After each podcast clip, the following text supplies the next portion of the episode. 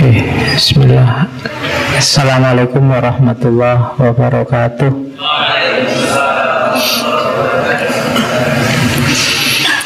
Bismillahirrahmanirrahim. Alhamdulillahirabbil alamin. Wa bihi nasta'inu ala umurid dunya waddin. Allahumma salli wa sallim wa barik ala habibina wa syafi'ina Sayyidina wa maulana Muhammadin wa ala alihi wa ashabihi wa man tabi'ahum bi ihsanin ila yaumiddin. Bismillah. Mari kita lanjutkan ngaji kita masih tetap ngaji ya meskipun temanya pernikahan. Jadi kios niatnya tetap sama golek ilmu bukan cari pasangan. Ya kalau dapat itu bonus. Ya jangan lupa aku salah niat. Targetnya tetap dapat wawasan nambah ilmu. Meskipun temanya agak unik jarang-jarang kajian filsafat temanya tentang pernikahan. Bukan perkawinan juga ya pernikahan. Karena konotasinya kelihatannya agak beda antara perkawinan dengan pernikahan. Kita bahas tema ini sebagai rangkaian bulan ini kita membahas tentang fitrahnya manusia Kemarin sudah diawali dari fitrah, kemudian kebutuhan kepada yang spiritual, yang ilahi dengan doa itu juga fitrah. Kemudian fitrah manusia untuk berhumor, kebutuhan manusia untuk tertawa. Kemarin yang terakhir kebutuhan manusia untuk bermain. Kalau ini saya tidak perlu menegaskan bahwa kamu butuh ini. Kamu sudah merasakan sendiri, apalagi seumuran-umuran teman-teman ini panas-panas sih tetap. Jadi masih untuk-untuk bayanganmu kalau pernikahan itu ya paling porsi paling besar kan tentang perkawinannya. Jadi arahmu kan mesti ke situ. Padahal nanti mungkin banyak rahasia, banyak nilai yang bisa kita gali dari pernikahan. Mungkin malam ini saya tidak sangat banyak ngomong tentang perspektif agama seperti malam-malam kemarin karena sudah sangat banyak orang ceramah tentang hikmahnya pernikahan, manfaatnya nikah dan macam-macam agak kita geser sedikit ke pandangan para filosof. Jangan kaget nanti kalau ada yang agak aneh-aneh. Ya, sebenarnya kalau dalam Islam sendiri nikah itu ya tidak terlalu sekaku seperti yang ada di pikiranmu bahwa kamu wajib harus segera menikahkan gitu. Pertanyaan yang paling kamu anggap ngeri kan itu kapan kawin, kapan nikah. Kalau dalam Islam itu hukum dasarnya menikah satu-satunya sejauh yang saya tahu fukoha ahli fikih yang bilang nikah itu wajib Imam Az-Zuhiri kalau Imam Malik, Imam Hambali, ya Imam Hanafi itu bilangnya sunnah. Kalau Imam Syafi'i malah mubah. Jadi ada beberapa ulama yang sampai akhir hayatnya kan tidak menikah. Jadi mubah itu dikiaskan kayak makan, minum itu kan Makan, minum itu kan ya sifatnya mubah saja. Ada yang kemudian ini hukum dasarnya. Tapi kemudian ada yang dikembangkan kayak di fikih sunnah itu ya nikah itu bisa wajib, bisa sunnah, bisa makruh, bisa haram. Kamu cermati dirimu ada di posisi mana? Wajib itu kalau segalanya dalam dirimu sudah memadai Dan kamu merasa tidak kuat saya pak nahan. Kalau dilama-lamain. Nah berarti kamu wajib. Ada sunnah. Sunnah itu Ya dalam dirimu sudah ada kualifikasi semuanya Kamu ya ekonominya sudah mapan, dirimu juga secara fisik sehat. Cuma kalau nahan nafsu ya kamu bisa-bisa saja wong. Sejak kecil sudah latihan menahan misalnya. Nah, itu sunnah. Ada makruh. Makruh itu kamu sudah pingin kawin, tapi sebenarnya kamu masih belum layak. Kalau nekat kawin menyengsarakan pasanganmu nanti. Tapi kamu sudah tidak kuat ingin segera kawin. Ini makro, makro itu ya kalau kepeksa ya piyeneh modal Bismillah lillahi ta'ala terus kawin. Misalnya kamu mungkin mak kemampuan itu kan tidak cuma ekonomi, mungkin fisik atau mungkin kamu merasa saya itu bisa tidak ya, mungkin mau periksa ke ini dokter terus wah ternyata ada yang aneh ini misalnya. Itu itu bisa makro. Ada malah haram haram itu kamu tidak mampu dan dengan kawin kamu akan merusak. Mungkin merusak pasanganmu atau merusak dirimu sendiri. Mungkin kamu jenisnya psikopat misalnya. Kalau kawin sengsara pasanganmu nanti mau ajar terus. Atau kamu tidak bisa misalnya. Itu kan menyusahkan istrimu menyusahkan itu. Atau ekonominya lemah ini dikhawatirkan wah ini kalau nekat kawin ini bisa yang haram-haram ditabrak semua. Ini bisa maling bisa ngutil bisa nuas nah itu ada haram. Jadi itu level-level. Jadi kalau ditanya hukumnya nikah ya bisa lihat situasinya.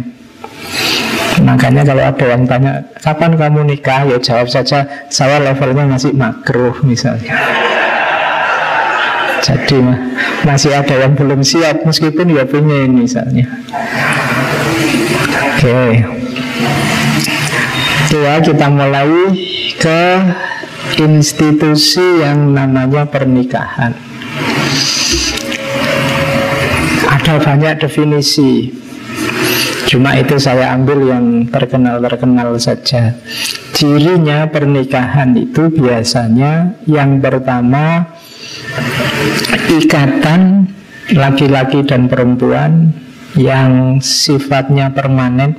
Permanen di situ saya kasih tanda petik ya. Permanen dalam keinginannya yang dimaksudkan untuk memenuhi, memenuhi tujuan biologis, psikologis, sosial, dan religius. Jadi jangan salah, ini ada ada empat tujuan biologis. Ini urusan fisik. Fisikmu butuh kamu menikah. Psikologis, psikologimu, mentalmu butuh kamu punya pasangan menikah sosial untuk hidup bermasyarakat bisa langgeng lestari kamu butuh nikah kalau enggak masyarakat macet enggak ada generasi dan religius religius pasti tuntutan agama makanya nikah itu sangat utama enggak boleh orang bercita-cita enggak menikah kalau dalam Islam kan ada istilah la rohbaniyata, tidak ada ketab apa kerahiban, kependetaan dalam Islam. Karena nikah punya banyak keutamaan.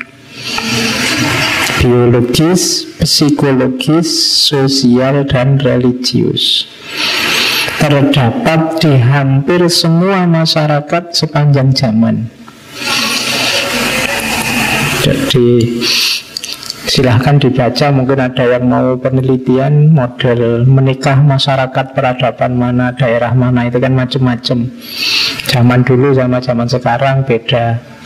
Dulu saya pernah baca manusia primitif itu kalau mau menikah menyatakan jatuh cinta, perempuannya dibanting, rambutnya diseret gitu, berarti dia sedang jatuh cinta mau menikah. Ya, jadi dan yang diseret mau berarti itu mau menikah. Macam-macam simbol-simbol jatuh cintanya. Ada masyarakat itu yang sangat sopan peradabannya sehingga untuk menyatakan jatuh cinta itu dia tidak mengungkapkan langsung tapi pakai kode-kode simbol-simbol. Saya baca ada yang bajunya dibalik. Kalau bajunya dibalik itu menunjukkan bahwa oh ini sedang nyari pasangan. Nah, kalau pasangannya suka tinggal datang terus oke okay, aku siap jalan. Kamu boleh pakai strategi itu Nanti pulang dari sini Bajunya berarti ya sedang nyari nih. Ya, Nanti yang suka tinggal menemui datang. Nah itu ada di semua masyarakat ada kode-kode pernikahan. Kemudian biasanya alasan paling dasar adalah penataan hubungan seksual. Itu motif utamanya biasanya itu. Karena kalau dibiarkan ini tidak karu-karuan. Orang sering menganalogikannya jangan kayak binatang. Lah Binatang itu ketemu dilirik sebentar mojok terus selesai. Cukup setengah jam, cukup satu jam. Paling kalau bayar hotel jam-jaman kan murah. Ya, itu kan kita sering mengkritik itu Mbak nikah. Kalau memang sudah pingin, sudah memenuhi syarat, nikahlah.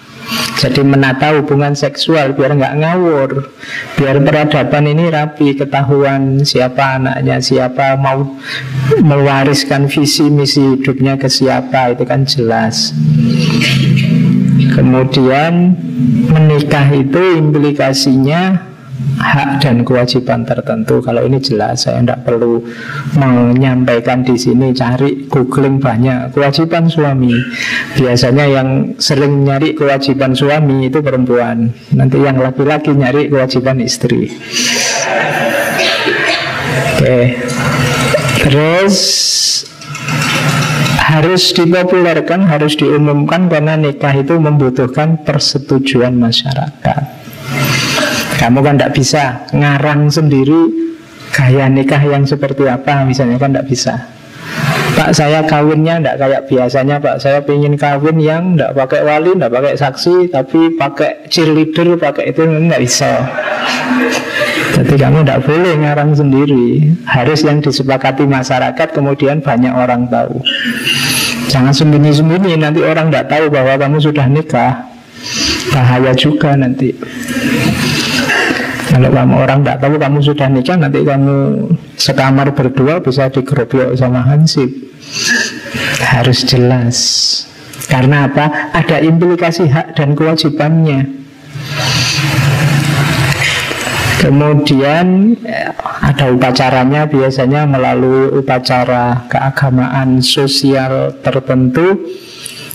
Dan yang terakhir di situlah nanti dibangun institusi sosial paling dasar namanya keluarga.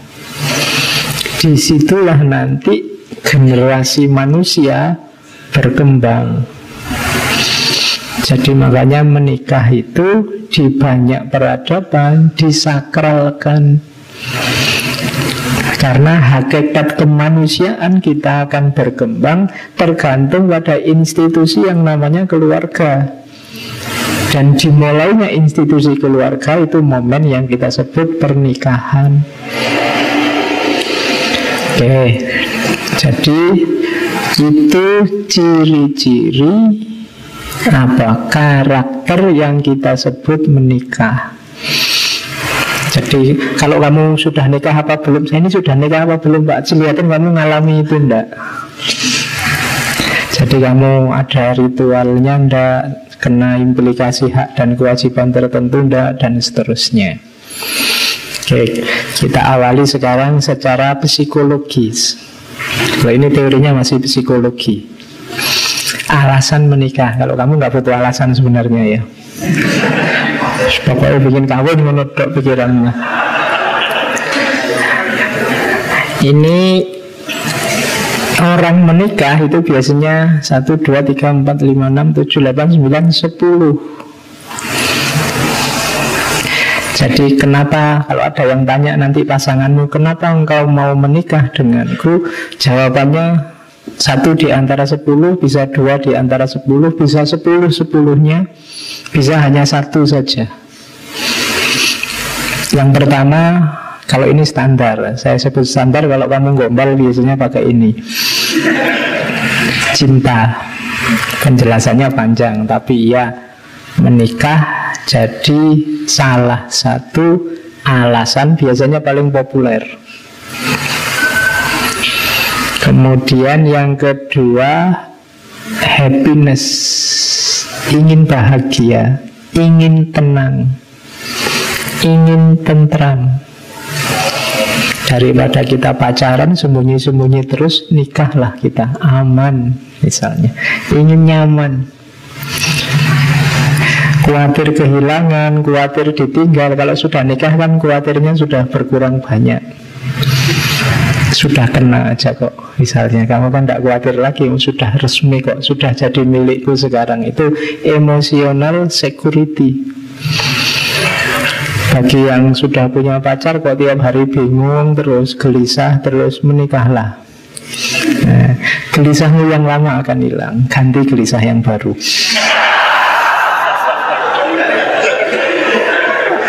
Oke, okay. tapi kan lumayan tenang. Kalau kemarin kamu masih sembunyi-sembunyi dikejar-kejar. Seperti yang ketiga, companionship. Escape from loneliness. Sekarang berdua Tidak lagi bersatu.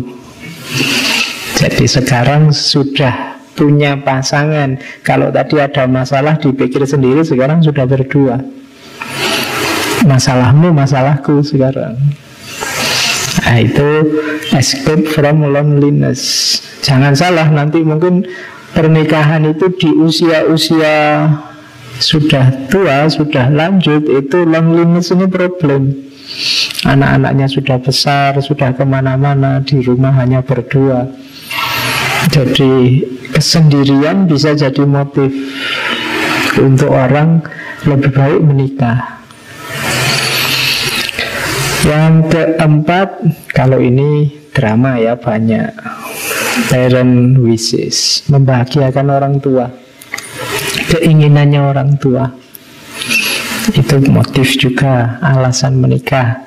Yang paling sering tanya kapan kamu nikah kan kalau kamu sudah cukup umur kan orang tuamu. Dulu waktu SMA, waktu kuliah dilarang-larang pacaran Begitu kamu lulus, kapan kawin? Gitu, gitu. Ya kamu jawab, oh sejak kemarin nyari tidak boleh Sekarang suruh kawin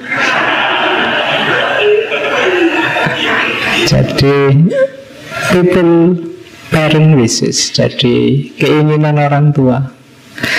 Memenuhi keinginan orang tua itu kan kebahagiaan tersendiri. Jadi itu alasan keempat. Oke ada alasan kelima. Economic security. Ada orang menikah itu untuk ekonomi. Wah saya ini lontang lantung. Alhamdulillah dapat pasangan sudah mapan. Nah itu economic security saya ada tetangga dulu zaman saya kos itu kerjaannya cuma becak, tapi istrinya empat.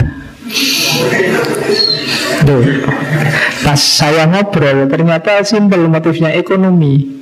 Karena istrinya empat ini empat-empatnya jualan di pasar. Yang satu jualan apa, ini jualan apa, jualan apa. Jadi kan ada empat pedagang ngumpul jadi satu tambah tukang becak. Secara ekonomi terjamin.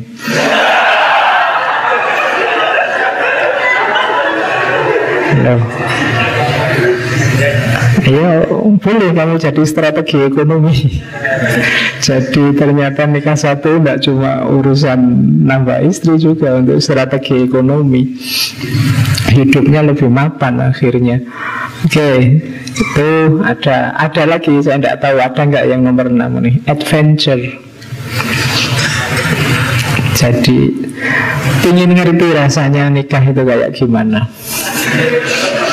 ingin punya pengalaman. Ya. My life and my adventure. Nah, antara lain antara lain menikah itu tadi. Jadi ada loh yang diam-diam nikah itu hanya ingin tahu saja. Ya kalau tidak cocok ya bisa di cancel pak. Nanti pulang lagi. Adventure masih bagus karena ada yang kalau di situ nggak ditulis, nggak boleh. Alasannya hanya ingin senang-senang. Ingin enaknya saja. Makanya mungkin pernah saya cerita ya Saya diceritain ada sejenis prostitusi syariah. Ini saya tidak tahu itu mungkin istilah ini kritik sebenarnya. Jadi ada praktek semacam itu dengan mempermainkan hukum Islam, hukum agama kalau dalam fikih namanya khilah. Jadi booking kemudian sebelum masuk kamar di situ disediain tak kaumnya untuk mengijabkan ditambah saksi. Tidak butuh wali karena perempuannya juga sudah tidak single lagi janda. Karena janda jadi dia bisa tidak butuh wali ditambah saksi tinggal butuh pak kaum terus sebelum masuk kamar ijab kabul kabul itu masuklah ke dalam kamar. Besok pagi kalau sudah selesai ya saya ceraikan engkau. Jadi bisa secara fikih bermain semacam itu ya kalau mau hanya lihat itunya sah. Tapi kalau model kayak gini kamu nanti bisa tiap malam ganti pasangan Mobil itu terus kamu tiap malam Jangan-jangan nanti kamu juga milih madhab yang ndak bahkan ndak butuh yang menikahkan, ndak butuh saksi, yang penting antara bin suka sama suka sah. Bisa semacam itu kalau ingin hanya mempermainkan hukum. Makanya di situ tidak tak tulis, hanya ingin senang-senang. Visi dan misi dari pernikahan hilang. Itu hanya beli. Sama saja kayak yang beli yang lain. Jual beli itu kan asal suka sama suka selesai. Jadi itu masih tidak termasuk alasan menikah karena itu bagi saya tidak menikah. Mungkin hanya kawin. Kalau kawin iya. Terus compatibility and common interest. Ada orang nikah itu karena cocok. Wah, saya ngobrol setengah jam cocok. Semoga besok dilamar lah misalnya. Nah, itu ada kecocokan. Ternyata minat kita sama. Ada ya yang begitu. Jadi compatibility karena rasa cocok saja.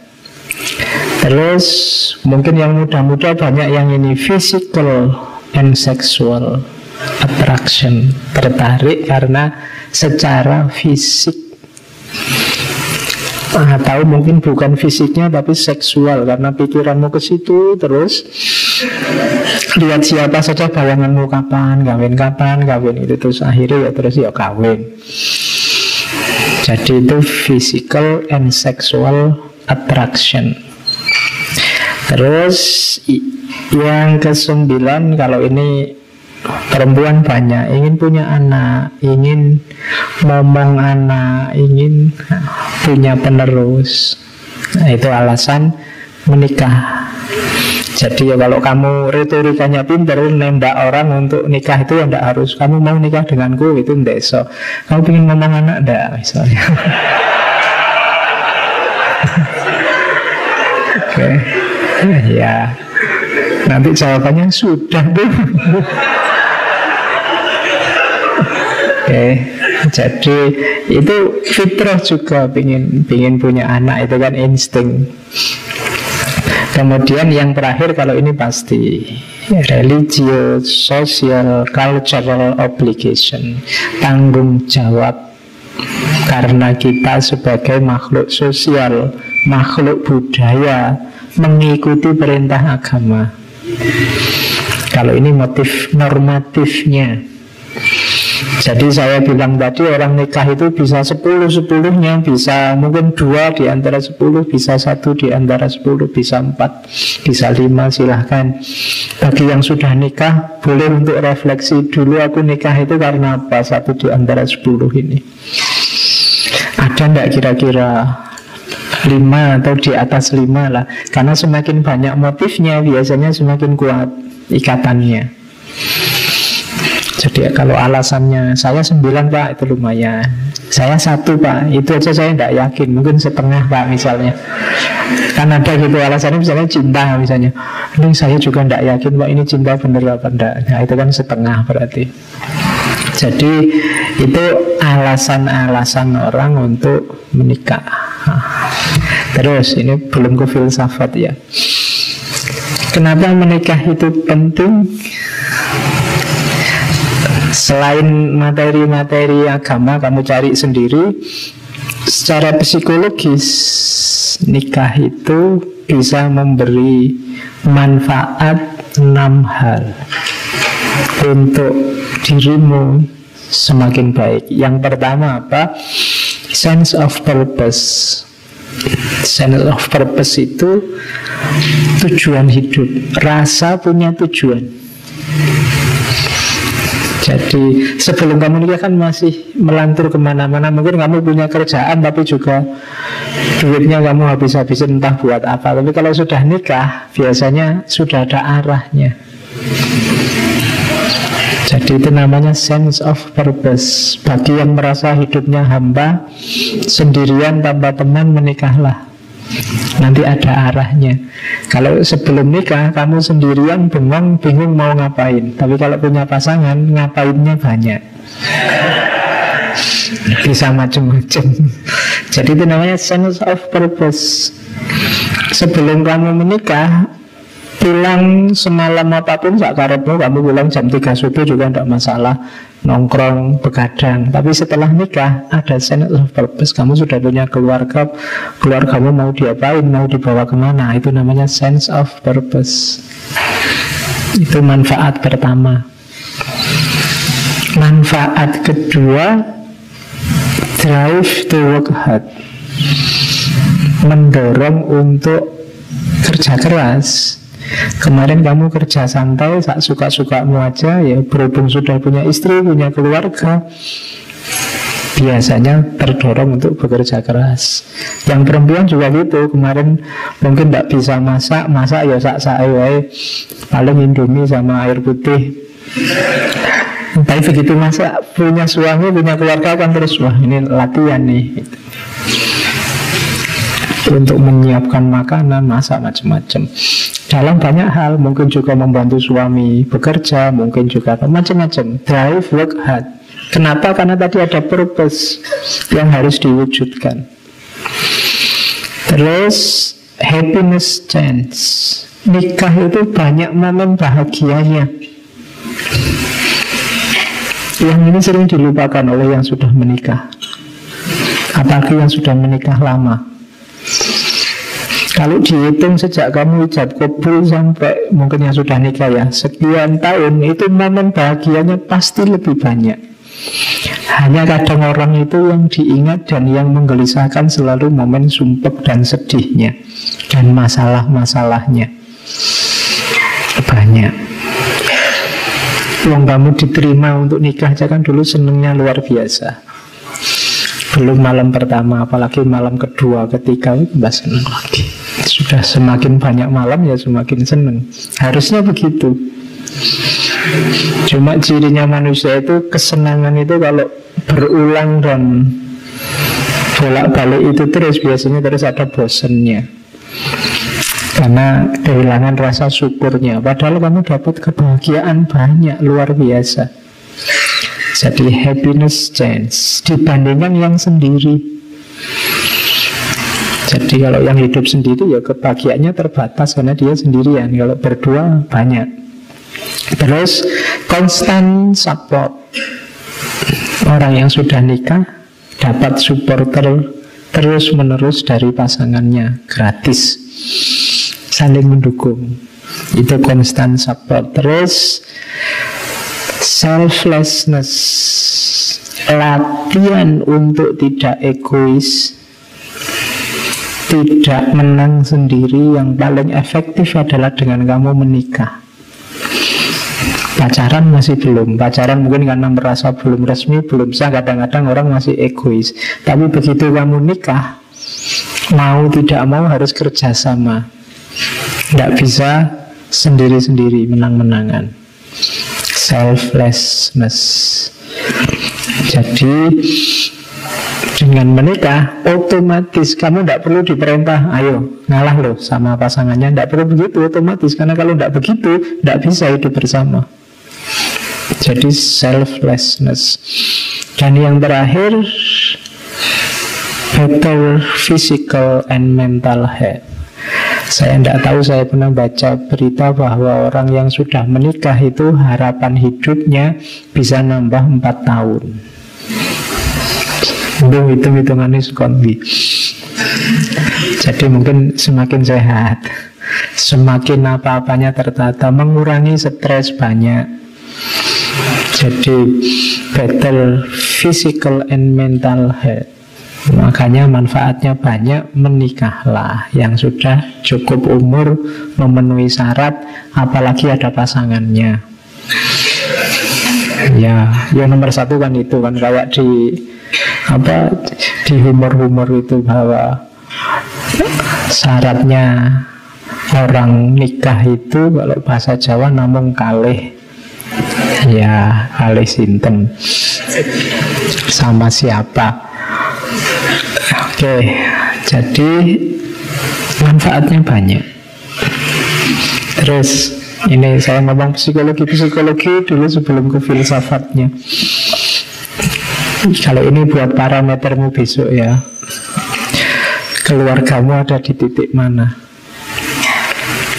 Keluarga itu ada yang makomnya vitalize, ada yang harmonius, ada yang konvensional, ada yang conflicted, ada yang devitalize.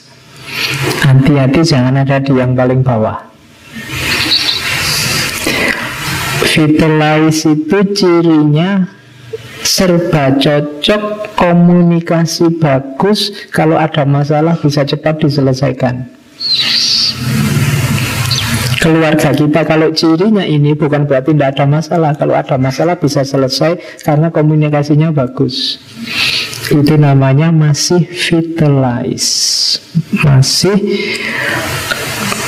hidup dan baik dan memuaskan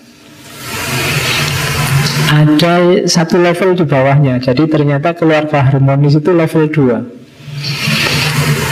kalau yang level 1 sangat puas orangnya jadi namanya vitalize. Jadi mari kita ciptakan keluarga yang vital. Ada di bawahnya keluarga harmonis. Kalau harmonis ya cocok, ya komunikasinya jalan, ada masalah bisa menyelesaikan. Cuma ada beberapa hal yang tetap tidak selesai. Tetap tidak sepakat hanya terpaksa harus jalan terpaksa disepakati. Biasa kadang-kadang orang itu ada yang tidak cocok yang sini ingin anak sebelas yang sini ingin anak dua itu kan tidak cocok. Yang sini prinsipnya banyak anak banyak rezeki yang ini banyak anak tambah sumpah aku. Nah beda prinsip tapi kan tetap harus jalan. Tapi beda prinsip tapi karena komunikasi jalan bisa menerima jadi itu namanya keluarga yang harmonis. Nah, ada lagi keluarga yang level 3, konvensional. Konvensional itu komunikasinya agak susah. Resolusi konfliknya juga tidak terlalu jalan, jadi ada masalah menyelesaikannya susah. Cuma diuntungkan oleh alasan tertentu yang membuat tetap bertahan. Misalnya, ah kalau tak terus-terusin, kasihan anakku. Nah, ada alasannya. Kalau tak terus-terusin tidak bagus lah, karena menurut agama pisah itu hal yang paling dimurkai Allah. Nah itu ada yang ngerem. Jadi sebenarnya sudah tidak cocok, sudah tidak kerasan sudah. Allah kok punya suami gini kok punya itu sudah tidak enak. Tapi masuk kita bisa kasihan anak-anak. Kasihan orang tua dulu. Kasihan ah, tidak boleh loh sama Allah itu. Nikah itu hal yang paling dibenci. Ini ada remnya. Meskipun agak berat tetap jalan. Ini orang kalau secara psikologi disebut keluarga konvensional ada yang turun derajat lagi. Kalau ini keluarga yang conflicted. ringkesnya conflicted itu ya keluarga yang warnanya hanya gegeran. Konflik kaya sinetron-sinetron itulah yang lagi rame nah itu konflik. Tidak ada tentramnya rumah tangganya tidak sakan. Jadi cirinya gampang keluarga itu ketika coraknya sudah conflicted penghuninya lebih kerasan di luar rumah. Itu berarti conflicted males pulang mesti nanti rame lagi. Itu berarti conflicted kamu yang belum nikah belum tahu bayangkan aja. Iya, jadi nanti ada momen itu, itu conflicted. Jangan dibiarkan berlarut-larut, cepet-cepet nyari jalan keluar. Kalau tidak akan sampai pada titik terakhir, devitalize. Keluarga yang kehilangan gairah hidupnya biasanya terus berakhir entah secara resmi dengan cerai atau ya sudah pisah-pisahan kadang-kadang jasadnya saja yang berdua tapi batinnya ke mana-mana tahsabuhum jami'a wa kulubuhum satta kalau pas di syuting aja kelihatan bareng senyum-senyum tapi di rumah tawuran.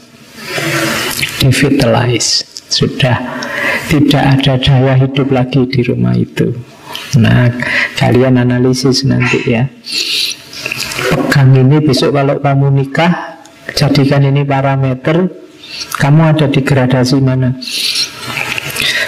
Bahkan ketika hanya sampai di konvensional, cepat-cepat nyari tambatan untuk bisa nyaman berdua. Kalau tidak akan turun jadi konflik.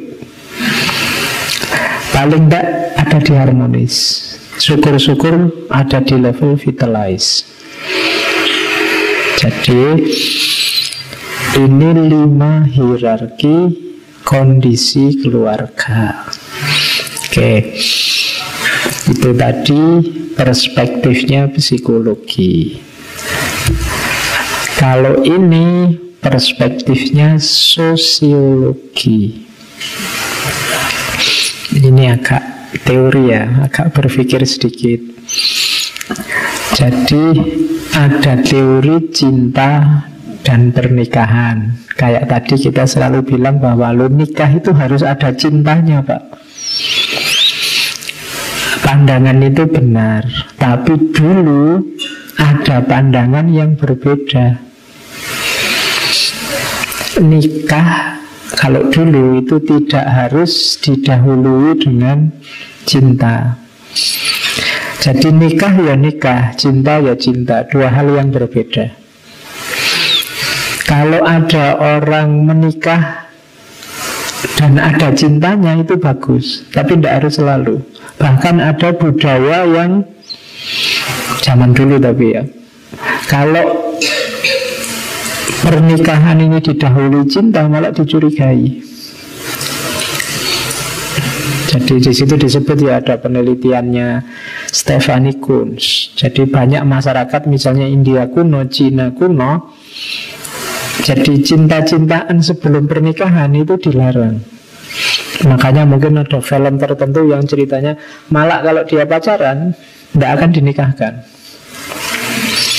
Ada konotasi lain bahwa menikah ini sesuatu yang mulia yang luhur, hubungannya sama budaya, sama masyarakat, bahkan sama Tuhan.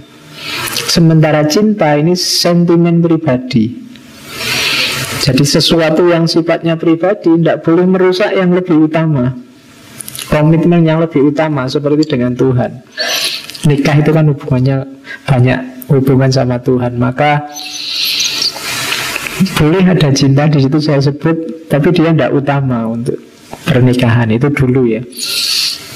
Jadi cinta itu bonusnya. Alhamdulillah kalau yang menikah sama kita itu yang kita cintai. Tapi kadang-kadang nanti yang nikah sama kita belum kita cintai. Saya nggak ngomong yang tidak kita cintai ya belum kita cintai. Mungkin kamu dijodohkan mungkin kamu terpaksa mungkin kamu macam-macam alasannya atau dulu pacarannya sama siapa dapatnya sama siapa. Ya dulu ganti-ganti pacaran ini pacaran ini pacaran ini. Eh Allah dapatnya cuma yang itu. Misalnya. Kan sering cerita-cerita begitu. Lu memang karena nikah dan cinta itu dua hal yang tidak selalu jalan bersama. Zaman dulu di beberapa budaya malah dianggap tabu Makanya kadang-kadang di masyarakat tertentu kalau kelihatan asik pacaran berdua itu malah cenderung dipisahkan. Kebalikannya sekarang itu kan secara sosial dulu sama sekarang. Kalau sekarang mungkin lebih banyak orang yang punya pandangan bahwa cinta itu harus mendahului pernikahan. Jadi cinta ini yang utama orang itu bukti cinta yang serius ya nikah itu. Nah, sekarang pandangan kita kan begitu. Tapi ada filosof namanya Ben Sif. Ini filosof Israel sebenarnya Yahudi. Jadi hari ini percintaan itu jadi dasar prioritas pernikahan. Hanya saja katanya Bensif Seperti sering saya bilang Cinta ini kalau hanya levelnya cinta romantik Dia ada durasinya. Dia tidak akan menggebu-gebu terus. Kalau pernikahanmu dasarnya hanya cinta romantik Cinta romantik kalau dalam agama Mungkin pakai istilah mahabbah Belum nyampe mawadah apalagi rohmah kalau hanya levelnya romantik Pada titik tertentu dia akan habis. Kayak baterai kehabisan Kayak HP kehabisan baterai. Kalau hanya itu dasarnya Maka katanya Bensif Itulah kenapa keluarga hari ini Banyak yang kawin hanya Mungkin belum ada setahun terus Bubar Kenapa? Dasarnya tadi cuma cinta romantik itu tadi. Cinta romantik itu kan ketertarikan biasanya masih di level ketertarikan fisik. Hanya ingin seneng-seneng sebentar. Jadi katanya Bensif, kenapa keluarga hari ini kelihatan rapuh, ikatan pernikahan kelihatan kok gampang sekali putus.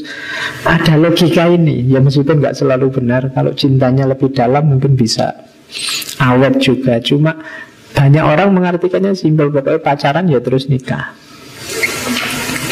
Ketika dia tidak dalam mungkin setahun dua tahun itu biasanya terus kalau hanya bermain di level romantik tidak akan lama pasti terus dari akan cepat sekali dari vital turun jadi harmonis terus mungkin sebentar konvensional setelah itu konflik terus dan akhirnya devitalize. Kenapa? Tidak dalam ikatannya tidak kuat. Padahal kalau dalam Islam itu kan pernikahan kan disebut misakon holy itu ikatan yang sangat kuat maka dia butuh pengikat yang sangat kuat. Makanya tadi di depan saya sebut ada banyak alasan. Bikin sebanyak mungkin alasan untuk kamu bisa tetap bareng berdua. Kalau enggak, kalau hanya seneng-seneng yang kamu target, enggak akan lama. Oke, nanti penjelasannya di belakang. Kenapa kalau hanya itu enggak akan lama. Oke, secara sosial ya. Ini juga sosial sebenarnya. Saya belum masuk ke filsafat. Secara sosial biasanya juga hubungan antar manusia, dua orang manusia dalam pernikahan ini dalam pacaran juga sebenarnya sering juga ada masalah ini. Titik-titik masalahnya ada di 1, 2, 3, 4, 5, 6 enam hal. Kalian yang punya pasangan, perhatikan enam hal ini. Akar masalahmu tidak akan lepas dari enam itu. Jadi kalau ada masalah, aku lo punya pasangan kok gegeran terus pak, coba cermati. Pasti satu, dua, atau tiga di antara enam itu. Yang pertama apa? Komunikasi. Ya, kamu silahkan belajar teori komunikasi Bagaimana ketika komunikasi ini yang kalau kayak Habermas itu kan klaim kebenarannya tidak ada, klaim kejujurannya tidak ada, klaim ketulusannya tidak ada, tidak akan jalan. Dulu waktu pacaran kelihatannya seperti apa, begitu menikah kok berubah banyak. Nah, itu berarti dulunya salah komunikasi.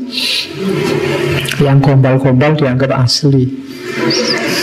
Ya, sekarang begitu nikah kaget.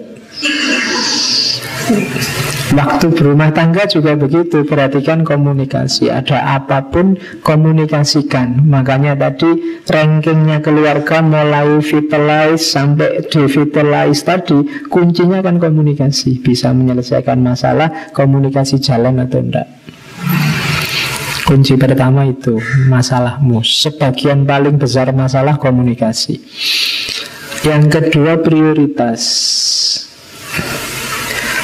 Ya manusia itu betapapun dia hidup berdua Masing-masing punya persepsi, punya visi Yang kadang-kadang berbeda. Yang sini prioritasnya apa Yang sini prioritasnya apa. Yang sini karir dulu Yang sini anak dulu. Yang sini pingin kuliah dulu sampai S3 Yang sini kan. Pinginnya kerja saja langsung. Prioritas-prioritas. Prioritas itu seperti sering saya bilang Hidup ini banyak pilihan yang bukan milih yang baik sama yang jelek Tapi yang baik sama yang baik Tapi mana yang harus didahulukan? Itu namanya prioritas. Kuliah ya bagus, punya anak ya bagus yang sini pengen, pengen punya anak dulu, yang sini pengen kuliahnya selesai dulu, terus rame. Nah, itu prioritas. Yang sini pengen nikah aja gampang nanti. Urusan selanjutnya kuliah sambil jalan. Yang sini adalah kuliah dulu aja lah nanti daripada tidak konsen kita nikahnya sambil mikir skripsi. Itu prioritas prioritas itu kalau tidak cocok biasanya jadi sumber masalah. Kemudian yang ketiga kalau sudah menikah biasanya berhadapan dengan ini division of labor. Pembagian kerja. Siapa yang keluar rumah, siapa di dalam rumah, siapa masak, siapa nyapu, siapa nyetrika, siapa. Itu sering jadi masalah.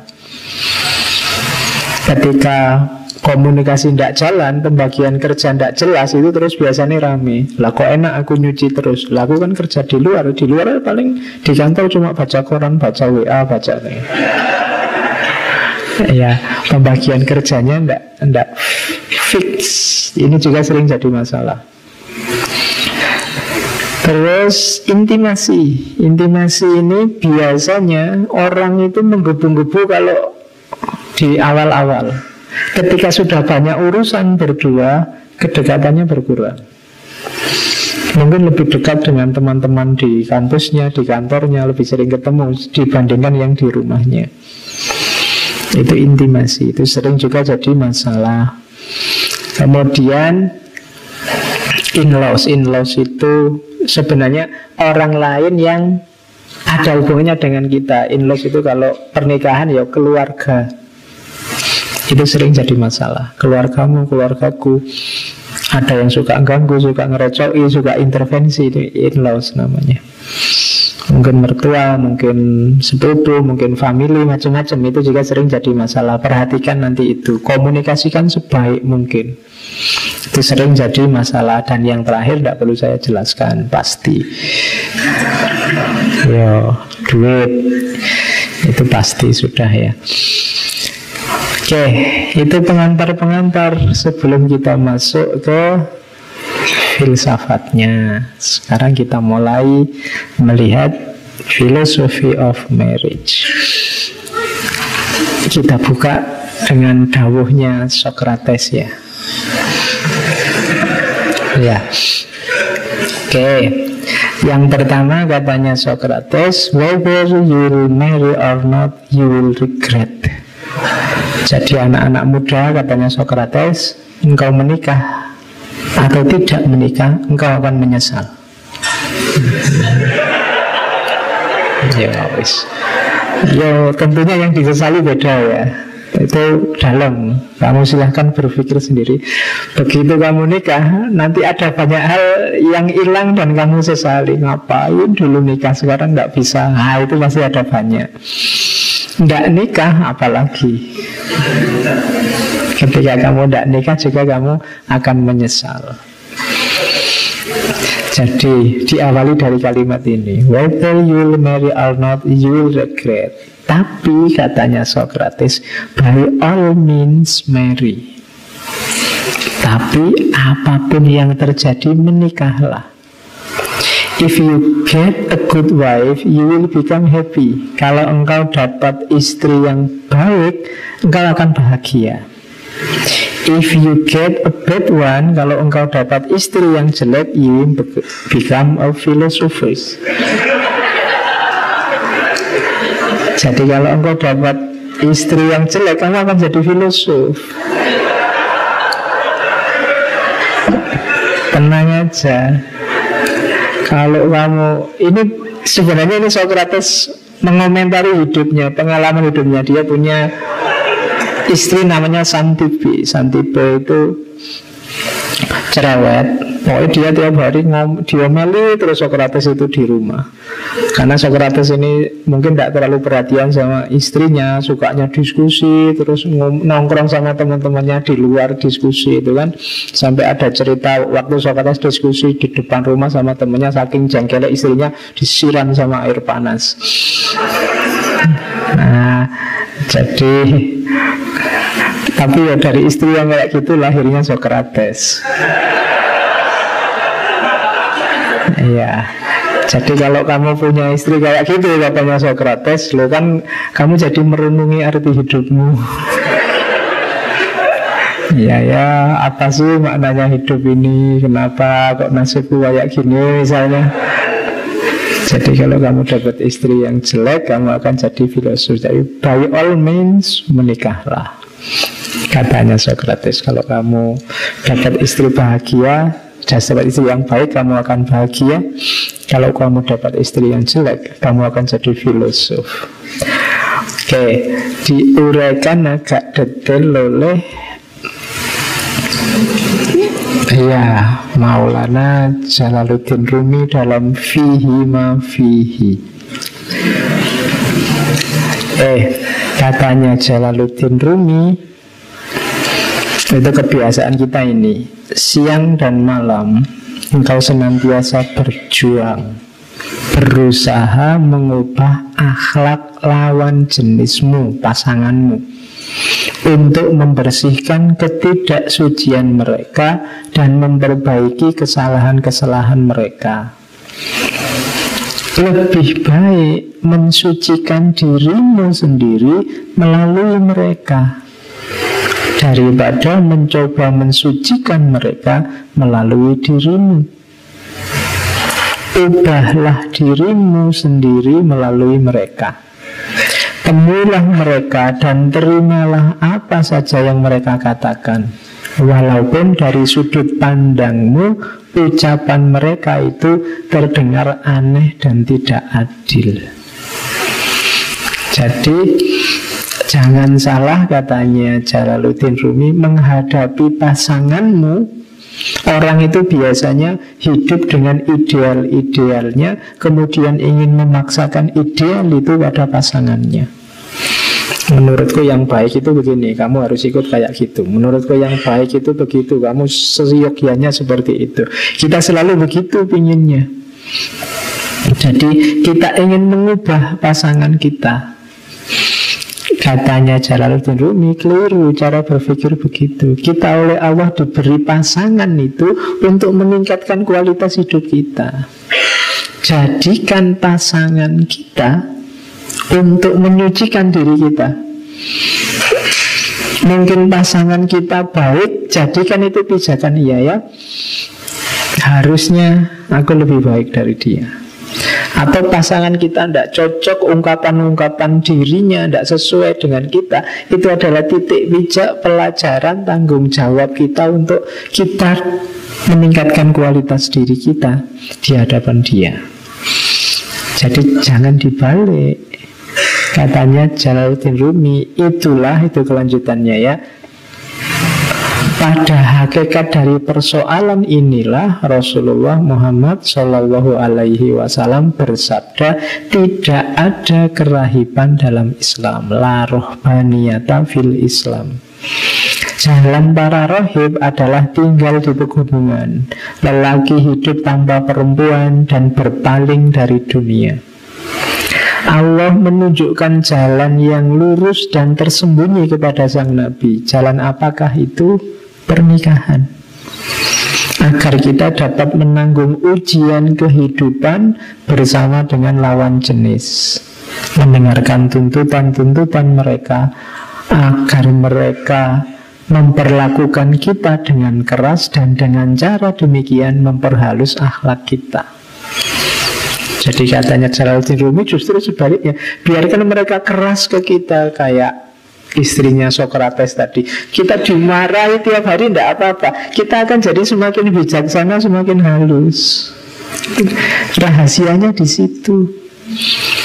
Pak, saya ini ingin movie Pak. Nanti kalau dapat pasangan yang sangat duniawi, cerewet, macam-macam Saya tidak jadi movie ini Pak. Misalnya. Justru itu latihanmu Itu katanya Jalaluddin Rumi Hadapi mereka. Yang perempuan mungkin ketemu suami yang kayak gimana Yang laki-laki ketemu istri kayak gimana Tidak cocok sama visimu.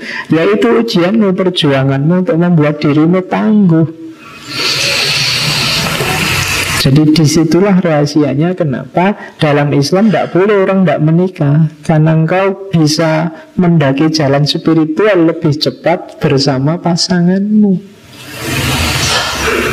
Tidak sendirian kalau pasanganmu baik lebih enak bersama bareng-bareng mendaki jalan spiritual. Kalau pasanganmu ternyata keras, tidak cocok, dialah ujianmu untuk menghaluskan dirimu. Gitu loh. Karena pasangan itu kan cerminan kita sendiri sebenarnya. Biasanya kita menghadapi yang tidak cocok sama kita, kita berubah seperti dia.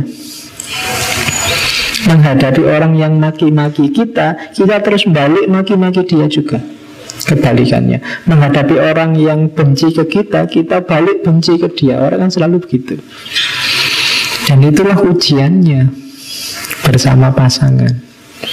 Jadi katanya Jalaluddin Rumi Enggak Menikahlah apa pun yang terjadi Jangan jadi rohib Jangan jadi pendeta Semoga di sini tidak ada ya yang tidak ingin nikah. Cita-citanya jadi pendeta berarti.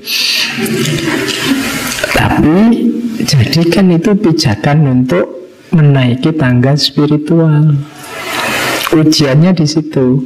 Kalau Jalaluddin Rumi kan mirip Socrates tadi kalau Socrates kan kalau kamu menikah minimal kan jadi filosof kalau ini jadi sufi kamu gitu. mendaki jalan sufi lewat jalur pernikahan nah itu yang jarang diperhatikan orang makanya Rasulullah kan sering cerita ada sahabat yang cuek sama istrinya di masjid terus tidak pulang-pulang kan malah dimarahi karena semuanya ada haknya, ada fungsinya. Punya istri juga dia punya hak. Yang di situ sebenarnya itulah tangga spiritual kita, pembersihan diri kita. Itu nasihatnya Jalaluddin Rumi. Oke, kita masuk sekarang ke filosof yang ini harus agak hati-hati memahaminya. Nietzsche. Jadi ada beberapa gagasannya Nietzsche yang khas tentang pernikahan. Jadi Nietzsche punya prinsip kayak tadi, jangan nikah karena cinta, bahaya. Jadi katanya Nietzsche dia punya rumus Yang pertama apa? Nikah itu bukan dengan orang yang kamu cintai Parameternya Carilah orang yang menurutmu asik diajak bicara Cari orang yang jadi sahabatmu. Jadi nikahilah sahabatmu katanya Nietzsche. Alasannya kayak tadi, kenapa cinta romantik itu durasinya bisa habis. Gitu. Jadi kalau kita hanya cinta romantik hanya fisiknya pada saatnya itu akan selesai. Tapi kalau kamu milih orang yang kalau diajak ngomong cocok, kalau diajak ngobrol nyambung, kalau diajak itu tipsnya Nietzsche, nikahilah sahabatmu.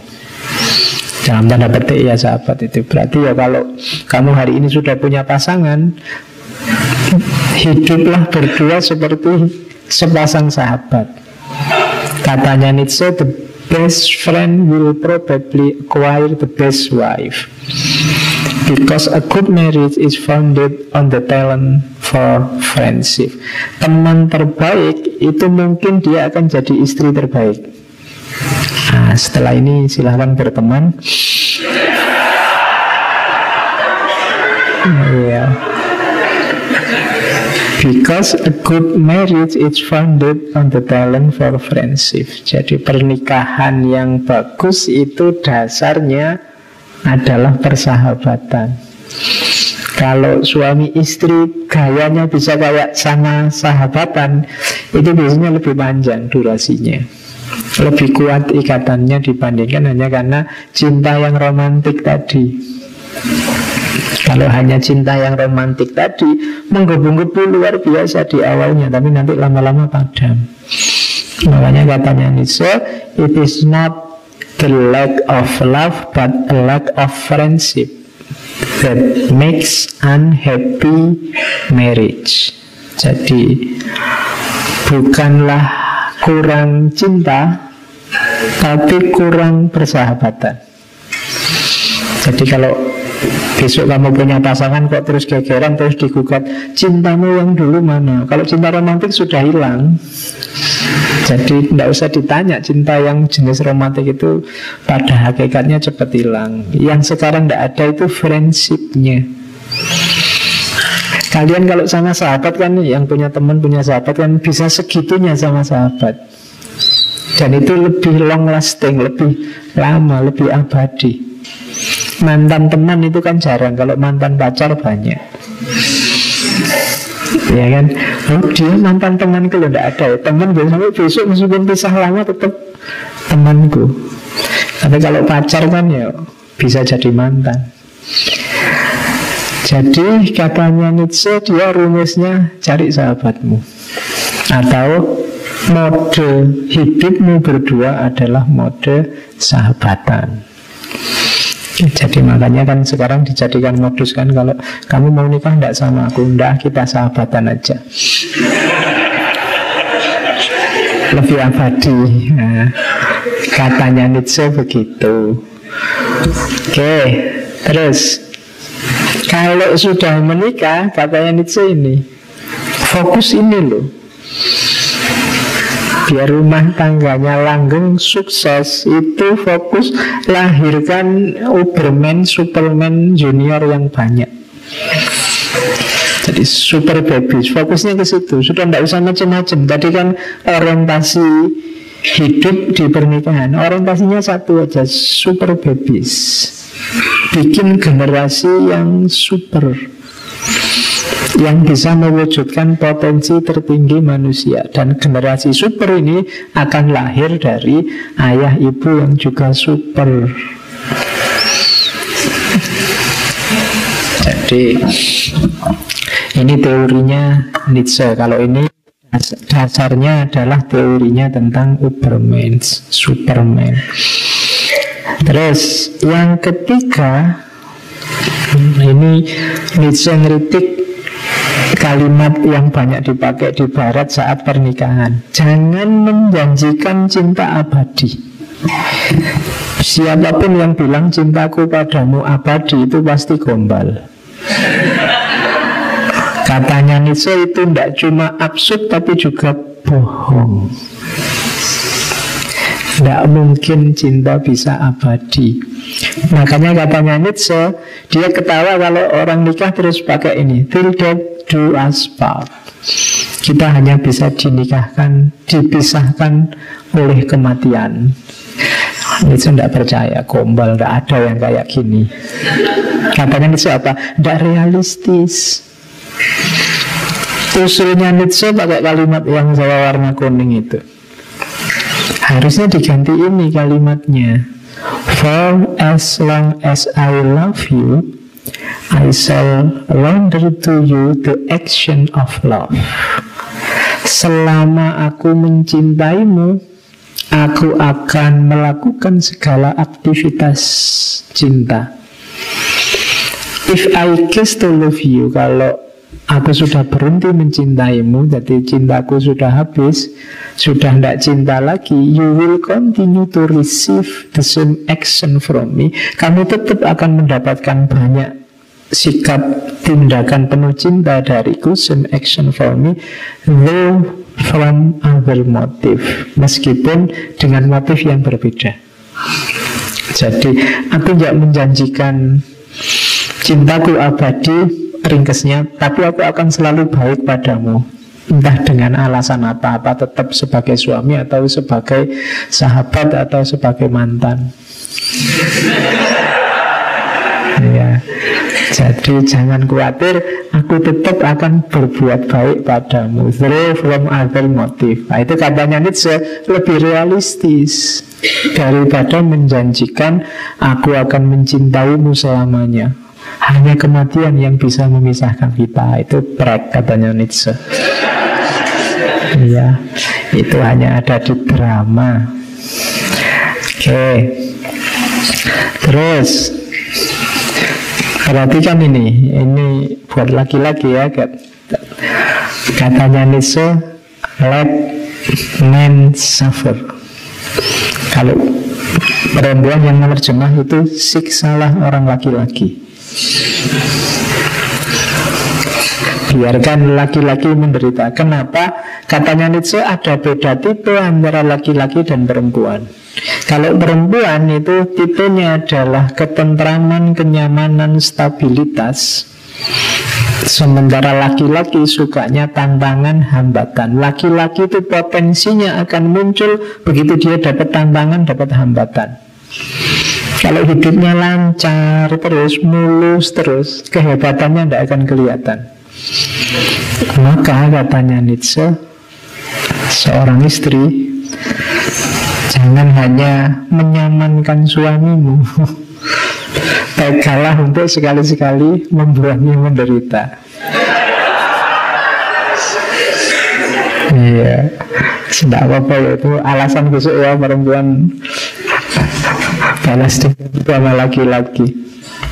Katanya ini siapa? All becoming and grow everything that guarantee the future involve segala perkembangan becoming and growth dan pertumbuhan segala yang menjamin untuk masa depan itu involve pain.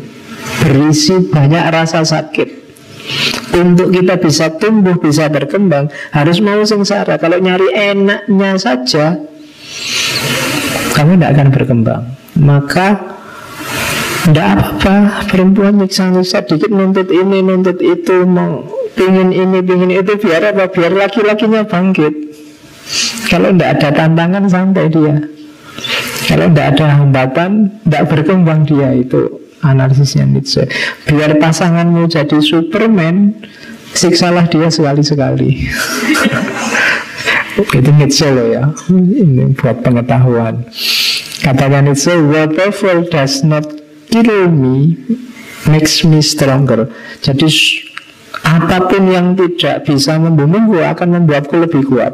Jadi kita ngalami banyak sekali penderitaan asal nggak sampai mati loh ya. kan itu. Pada akhirnya kita akan lebih kuat. Ujian, cobaan, tantangan, hambatan itu membuat kita semakin kuat, semakin kuat. Maka jangan menghindari masalah, jangan nyari nyamannya saja terus. Itu prinsip let men suffer.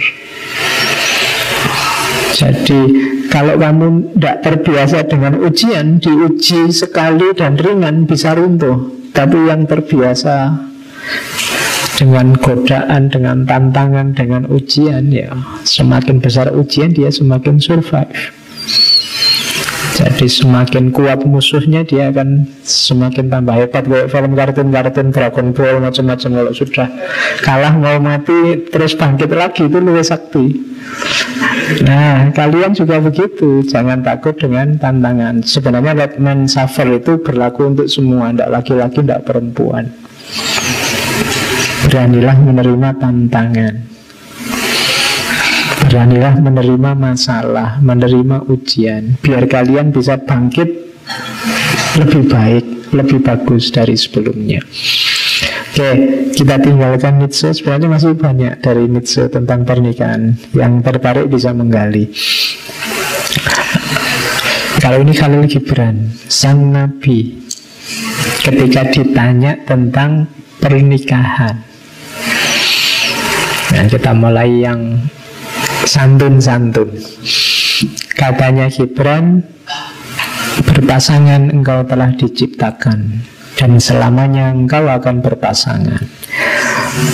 Bersamalah di kau tatkala sang maut merenggut umurmu. Ya, bahkan bersama pula kalian dalam ingatan sunyi Tuhan.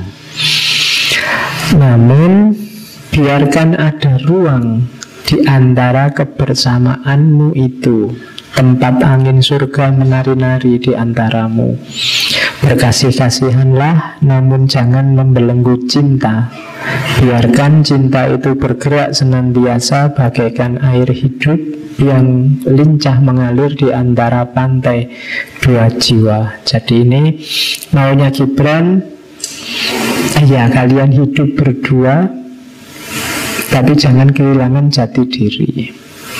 Hargailah pasanganmu sebagaimana dia apa adanya. Jangan paksa dia sama persis seperti dirimu.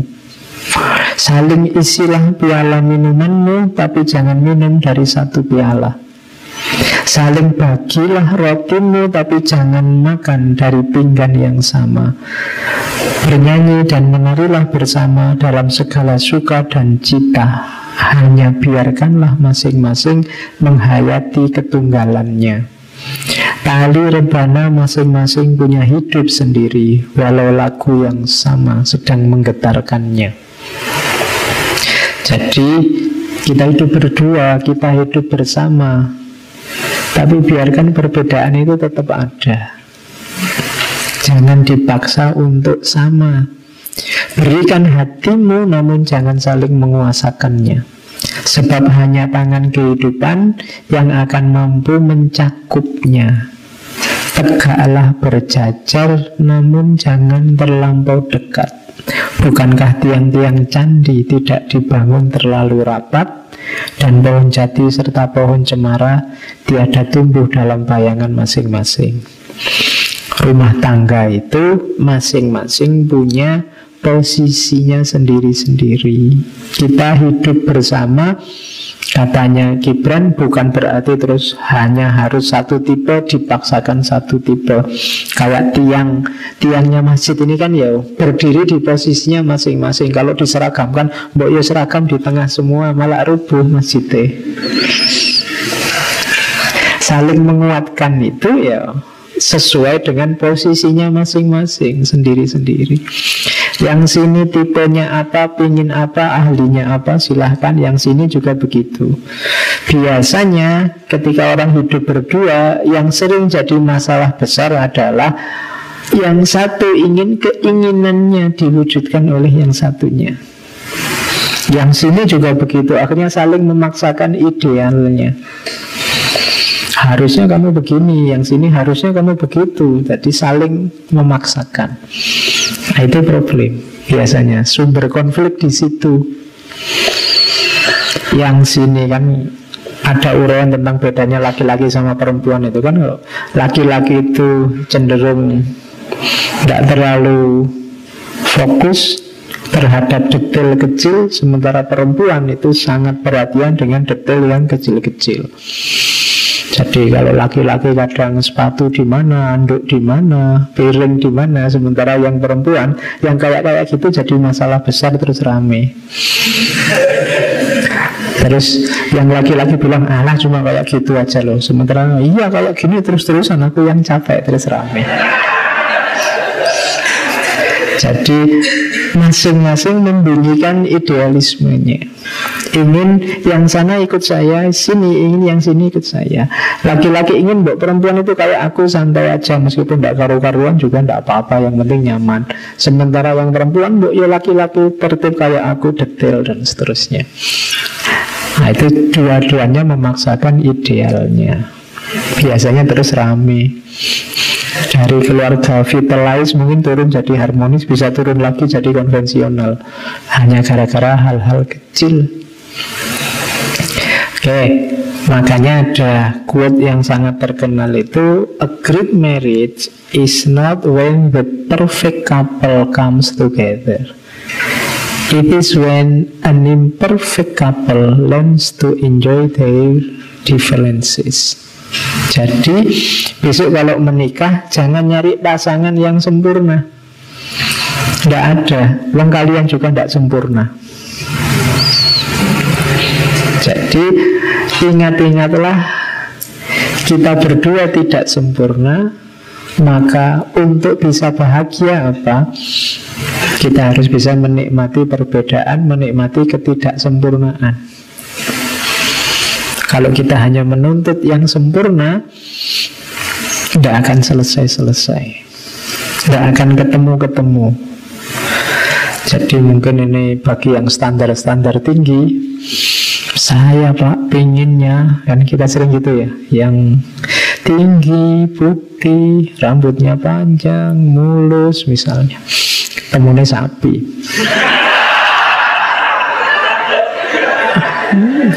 ya jadi jangan nyari yang sempurna. Tidak ada.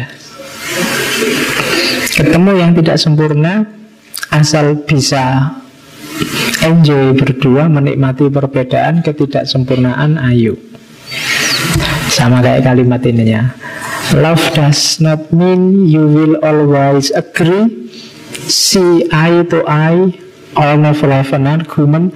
Cinta itu bukan berarti terus sepakat Terus berdua Bersama Terus never have argument. Tidak pernah debat Tidak pernah gegeran. Bukan itu maksudnya cinta. Tapi cinta itu It means By the bad days you still can't see yourself without that person. Jadi meskipun sering gegeran, meskipun sering tidak setuju, meskipun sering banyak masalah, tapi kamu tetap merasa aku tidak bisa hidup tanpamu.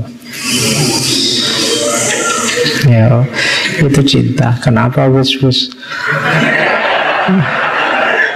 Iya, kayak punya punya. Oke, okay. jadi itu cinta. Kalau kalian nyari yang yang tidak pernah gegeran itu loh Pak, saya pingin yang tidak pernah debat, tidak pernah, tidak ada. Tapi cirinya apa? Meskipun kamu gegeran tiap hari, debat tiap hari, kamu masih ingin bersama dia terus. Berarti di situ ada cinta. Plus kesetiaan. Kesetiaan itu rumusnya ini. I'd rather argue with you than kiss someone else Itu setia namanya Aku mending gegeran terus dengan kamu daripada harus mencium orang lain Oke. Yo, ya itu nanti bikin stiker ya Ya Pakaian berdua couple gitu Jadi yang kalimatnya itu I'd rather argue with you than kiss someone else Daripada harus mencium orang lain Oke okay. Para filosof barat sudah kita belajar sebentar Dari beliau Jadi ini pelajaran dari Ki Ageng Suryo Mentaram Sang matahari dari Mataram Oke, katanya Surya Mentarang, pastikan besok kalau kamu menikah, Iya, syaratnya pas. Iya, itu kelihatan simpel tapi dalam sebenarnya. Yang pertama apa? Podo menungsani. Ya. Kelihatan sederhana ya podo menung, podo podo. Kenapa? Hati-hati banyak orang yang kehilangan kemanusiaannya Ketika orang di mabuk dunia terus jadi materialistik Dia sering tidak manusia lagi Ketika orang di mabuk ambisi terus menomorsatukan cita-cita jabatannya Dia tidak akan enak kamu nikahi Ketika orang terobsesi oleh pekerjaannya Sering teralienasi kehilangan sisi manusiawinya. Maka pastikan kamu menikah dengan manusia Yang masih belum kehilangan nilai-nilai kemanusiaannya Ya banyak yang sosoknya, wujudnya manusia Tapi mungkin dia sudah Tidak sadar dia sudah jadi mesin Sudah jadi robot, sudah jadi binatang Sudah jadi benda macam-macam. Jadi pastikan dia manusia. Yang pertama itu. Yang kedua, ini lucu juga Tapi sebenarnya dalam. Pastikan sama-sama hidup. Podo uripe. Kan kami sering gitu Pak, saya ingin nikah Yang penting gelem terus pada uripe ya, Pak. Tapi ini sebenarnya kelihatan simpel Tapi maknanya dalam. Pada uripe berarti apa? Kalian berdua sama-sama punya daya hidup. Bukan orang yang pasif, yang pasrah, yang tidak mau berjuang. Jadi pastikan pasanganmu juga siap untuk berjuang. Podo uripe. Kalau hanya salah satu yang siap berjuang, yang satu pasif pasrah nanti pincang. Pastikan pasanganmu siap berjuang berdua. Itu pada uripe Yang ketiga Ini juga kelihatan simpel Lanang karo wadon Nah ini Alhamdulillah ya ndak LGBT Jadi ada kualitas laki-laki Ada kualitas perempuan Laki-laki bagian ngegas, perempuan bagian ngerem. Ada femininitas, ada maskulinitas. Ada dimensi keaktifannya, ada dimensi kepasifannya. Itu hidup yang lengkap. Pastikan dalam rumah tangga kita nanti unsur ini lengkap. Laki-laki dan perempuan.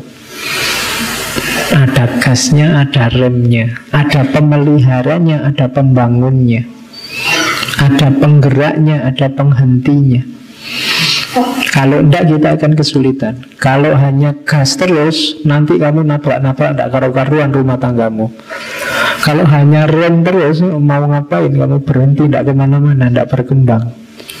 Jadi pastikan Laki-laki dan perempuan. Kemudian Sama-sama dewasa. Ya, Kalau ini kapasitas. Bisa berpikir kalau orang Jawa menyebutnya wis wong jadi anak yang belum balik belum dewasa itu di Jawa disebutnya durung wong jadi sudah sama-sama dewasa sama-sama matang nah, berarti di sini ada konsep hati-hati dengan pernikahan yang masih dini masih belum matang bisa jadi masalah. Kemudian yang kelima, ini yang penting sama-sama mau. Orang gelem ya orang ya. Tidak boleh ada yang dipaksa, tidak boleh ada yang dibohongi, tidak boleh ada yang ditrik, harus sama-sama mau. Di luar itu syaratnya silahkan apa pun asal kalau rumusnya Surya mentaram sak butuhe, sak perlune, sak cukupe. Sesuai kebutuhan, sesuai keperluan, secukupnya saja, jangan berlebihan. Kunci bahagianya nanti di situ. Ini bisa diulang kembali ketika kita ngomong tentang Ki Ageng Surya Mataram. Terus ini namanya kunci ini jadi Ki Ageng Surya Mantaram ini nulis tentang laki rabi. Laki rabi itu pedoman untuk suami istri. Jadi tentreming laki rabi. Ketentraman kebahagiaan suami istri itu ketika ada kalau istilahnya Ki Ageng Surya Mantaram meraos bojo. Jadi raos bojo itu rasa kesadaran berkeluarga, kesadaran istri atau kesadaran suami. Kesadaran ini bentuknya apa? Sih tanpa syarat lan kawontenan. Kasih sayang tanpa syarat, tanpa melihat situasi dan kondisi. Pokoknya sayang saja, tidak ada syaratnya macam-macam. Itu namanya raus raus bucu. Kalau sudah suami istri, Tidak ada kalimat kan kok enak kamu susah di aku dan yang semacam itu berarti masih belum sih tanpa syarat lan kawontenan. Jadi kalau sana enak aku susah Tidak apa-apa kamu bahagia aku juga seneng kok. Sebaliknya juga begitu. Itu namanya sudah ada raos buju. Lawannya Yang bawahnya itu Raos yang jelek-jelek. Ada raos darbi sawenang-wenang. Menang-menangan. Ada laki rabi selingkuhan.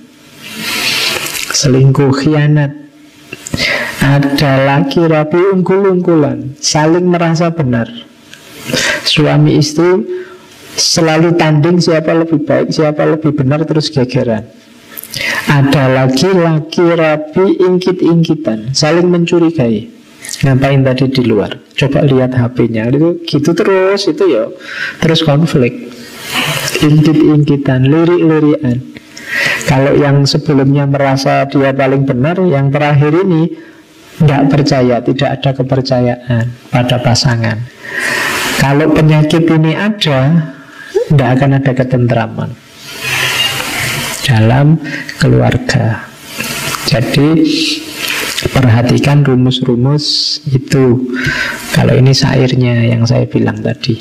Jadi cara pun anggone ngelampai jejuduan serta bebujuan lan uga sesrawungane padha nyukupi butuh lestarining gesang lan jinis sami ambudidaya amrih bisa cukup.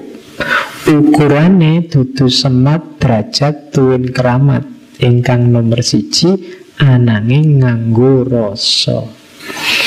Jadi cara menjalani perjodohan serta berkeluarga dan juga interaksi suami istri yaitu bersama mencukupi kebutuhan, kelangsungan hidup dan jenisnya, bersama-sama berusaha supaya berkecukupan. Ukurannya bukan harta, kedudukan atau kekuasaan, tapi menggunakan rasa. Jadi kunci kebahagiaan perkawinan itu ada di rasa bukan berapa kekayaannya, kedudukannya, kekuasaannya, tapi rasa. Banyak orang secara harta dia minimal, juga bukan orang besar, bukan pejabat orang penting, tapi dia lebih bahagia. Rasa perkawinannya lebih sering tertawa, lebih sering tersenyum dibandingkan yang uangnya banyak, yang kedudukannya tinggi. Kuncinya di rosok. Nah, jadi itu pelajaran dari Ki Ageng Surya Mentaram. Kalau dalam Islam rumusnya itu. Ini paling sering ini di sambutan pernikahan ayat ini mesti disebut. Wa min ayatihi an khalaqalakum min anfusikum azwaja. Ini baris pertama di antara tanda-tanda ayat-ayat Allah ini berarti ayat kaunia yang membacanya tidak di Al-Quran tapi melihat realitas wa min ayatihi Coba lihat di sekelilingmu ketika Allah khalaqalakum min anfusikum aswaja menciptakanmu dan menciptakan dari dirimu sendiri, dari jenismu, dari kelompokmu pasangan-pasangan. Manusia ada pasangannya manusia laki-laki dan perempuan itu min anfusikum azwaja. Baca itu. Gunanya apa sih ada azwaja litas kunu ilaiha jadi untuk kita sebagai sakan, tempat kita berdiam, tempat kita untuk tenang menikmati hidup. Jadi ini nanti diterjemahkan jadi sakinah. Jadi litas gunung ilaiha. Nah, ada apa dalam keluarga yang sakinah itu? Membacanya begitu kalau di ayat ini. Waja'ala bainakum mawaddata warohmah.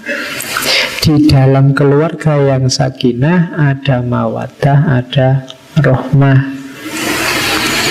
Kalau ingin sukses sakinah harus ada mawadah, ada rohmah.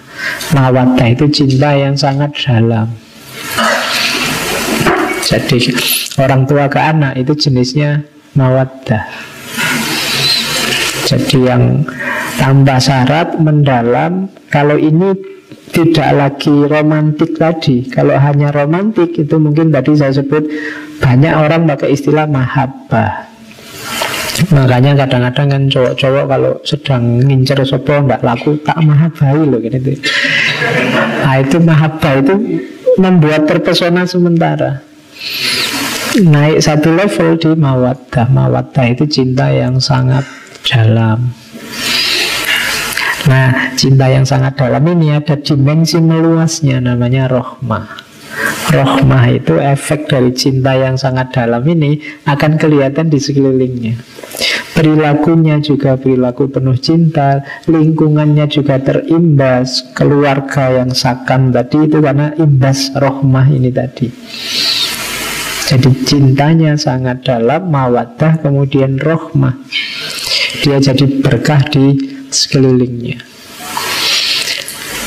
Jadi petunjuknya Al-Quran Menikahlah, kamu akan tenang Kamu akan dapat sakam Apalagi kalau sudah sakam Nanti di dalamnya akan tumbuh mawadah warohmah Untuk paham ini Kalian harus berpikir Kenapa inna fi lika la ayatin likomi yatafakkarun jadi mereka yang berpikir yang menemukan rahasia ini. Jadi yang tidak mau berpikir ya tidak akan ketemu. Makanya sering saya bilang kuncinya justru terletak pada berpikir. Oke, jadi itu yang agama. Terus ini tadi ya. Saya ingin mengakhiri di sini. Marriage is not a destination, it is a journey. Jadi pernikahan itu bukan tujuan, bukan target akhir, tapi dia adalah sebuah journey. Jadi dia adalah perjalanan. Kalau dia sebuah perjalanan, perhatikan syarat-syaratnya biar perjalananmu nyaman. Jangan asal jalan. Perhatikan juga rutenya, kamu harus punya peta. Mau dibawa ke mana jalanmu? Kalau hanya asal ala pak nikah aja nanti bisa bisa pak ngerti ngerti enggak. Kamu harus tahu, punya rencana-rencana. Journey itu kan gitu, kamu mau melakukan perjalanan kamu harus tahu. Nanti mau ke mana, yang diampiri mana saja, targetnya apa, ketemunya di mana, itu journey. Tidak sekedar jalan. Jadi harus tahu targetnya. Punya modal, punya bekal untuk melakukan journey. Nah, rumusnya apa? Bahwa dia adalah jurnal, rumusnya ini. Yang pertama apa? Diingat-ingat bahwa kebahagiaan maupun kesedihan dalam pernikahan sepenuhnya bergantung pada dua pihak, suami dan istri. Satu gagal, gagal dua-duanya. Karena ini sudah satu paket. Jadi rumusnya pokoknya apa-apa harus berdua. Senang berdua, sedih berdua, berjuang berdua, sukses juga berdua, gagal juga berdua. Orang lain bisa masuk juga seizin berdua. Jadi itu kuncinya itu Perhatikan dalam journey ini Dalam perjalanan ini Yang melakukan perjalanan dua orang tidak cuma satu orang. Sukses tidaknya tergantung berdua. Yang kedua Perhatikan menikah itu. Di situ saya pakai ilustrasi komputer. Kayak komputer Apa yang kamu masukkan Itu yang akan keluar. Jadi jalan journey tadi Apa yang kita lakukan Kita akan panen hasilnya kalau yang kita masukkan adalah ketekunan, kasih sayang, saling percaya, kepedulian, ketuhanan, kita akan dapat kebahagiaan, kepuasan, kepenuhan, kedekatan, keberanian. Tapi sebaliknya, kalau yang kita taburkan adalah kecurigaan, egoisme, menang-menangan, saling maksa, saling merentah, tidak ada komitmen, tidak saling percaya, maka kita akan panen frustasi, kemarahan, banyak persoalan. Jadi berdua tadi perhatikan yang dilakukan apa. Apa yang dilakukan itulah nanti yang akan dipanen. Jadi itu rumusnya journey. Yang ketiga, ingat-ingatlah bahwa tidak ada laki-laki sempurna, tidak ada perempuan sempurna. Siapa pun orang yang kamu nikahi, dia adalah orang yang pernah berdosa. Tidak ada orang yang tidak punya dosa. Jadi, kalau kamu menuntut pasanganmu bersih, suci, kamu tidak akan nemu. Mungkin yang kayak gitu nabi, tapi yang sekarang sudah tidak ada nabi. Jadi setiap orang pernah punya dosa. Maka dalam journey itu jangan mengasumsikan kamu dapat pasangan orang yang sama sekali bersih. Dan itu kalimatnya bersiaplah untuk menerima kejutan apa pun. Kenapa begitu? Karena kemarin kita belum tahu sepenuhnya dia. Sekarang bersama nanti lama-lama satu dua wataknya satu dua karakternya akan muncul. Tidak usah kaget biasa saja. Kemarin romantis sekali lupa begitu nikah cueknya luar biasa Tidak usah kaget Kemarin ada pamrihnya Biar kamu mau, biar kamu suka Sekarang sudah suka, cuek dua Aslinya keluar, romantisnya sama yang lain lagi Iya jadi siap-siaplah, itulah pasanganmu. Jadi berjuang terus. Jangan tetap jangan masukkan yang jelek-jelek nanti keluarnya juga yang jelek-jelek. Yang selanjutnya pernikahan itu gambling. Kayak dalam tanda petik ya. Di situ saya kasih tanda petik. Sifatnya gambling. Engkau tidak tahu sepenuhnya. Mungkin ada masa pacaran Tapi di masa pacaran itu mungkin Ketahuan paling 50 persennya lah Itu sudah bagus. Sebaik apa atau seburuk apa pasanganmu. Ya contohnya nggak harus selalu jelek. Mungkin zaman pacaran dia khawatir dianggap nggak gaul terus digaul-gaulkan begitu nikah wah ternyata solehnya luar biasa. Kamu kaget aduh Ya, terus kamu minder. Tidak, tidak usah kaget. Ya, seperti itu karakternya nanti.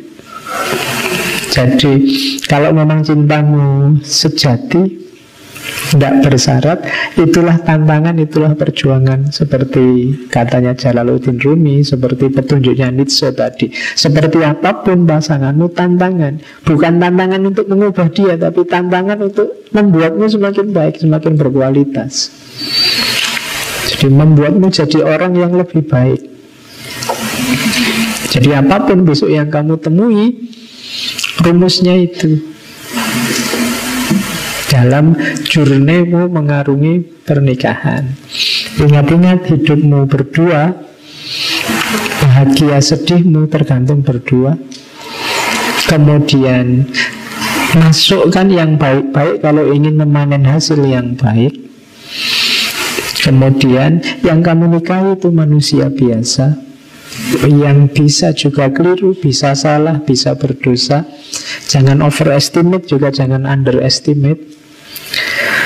Dan yang terakhir ya kita menikah itu tidak selalu pas cocok dengan keinginan kita. Pasti ada kurang-kurangnya, pasti ada meleset-melesetnya itu biasa. Atau jangan-jangan malah lebihnya banyak. Biasa saja nikmati perjalananmu Makanya tadi justru perfect couple itu bukan karena dua pasangan sama-sama sempurna, tapi dua pasangan yang bisa menikmati kekurangan dan perbedaan. Di situ kuncinya hidup bahagia. Oke, ini saya ingin menasehati ini juga karena kelihatannya belakangan menggejala banyak pre-marital sex sengaja nggak saya terjemah biar kamu agak mikir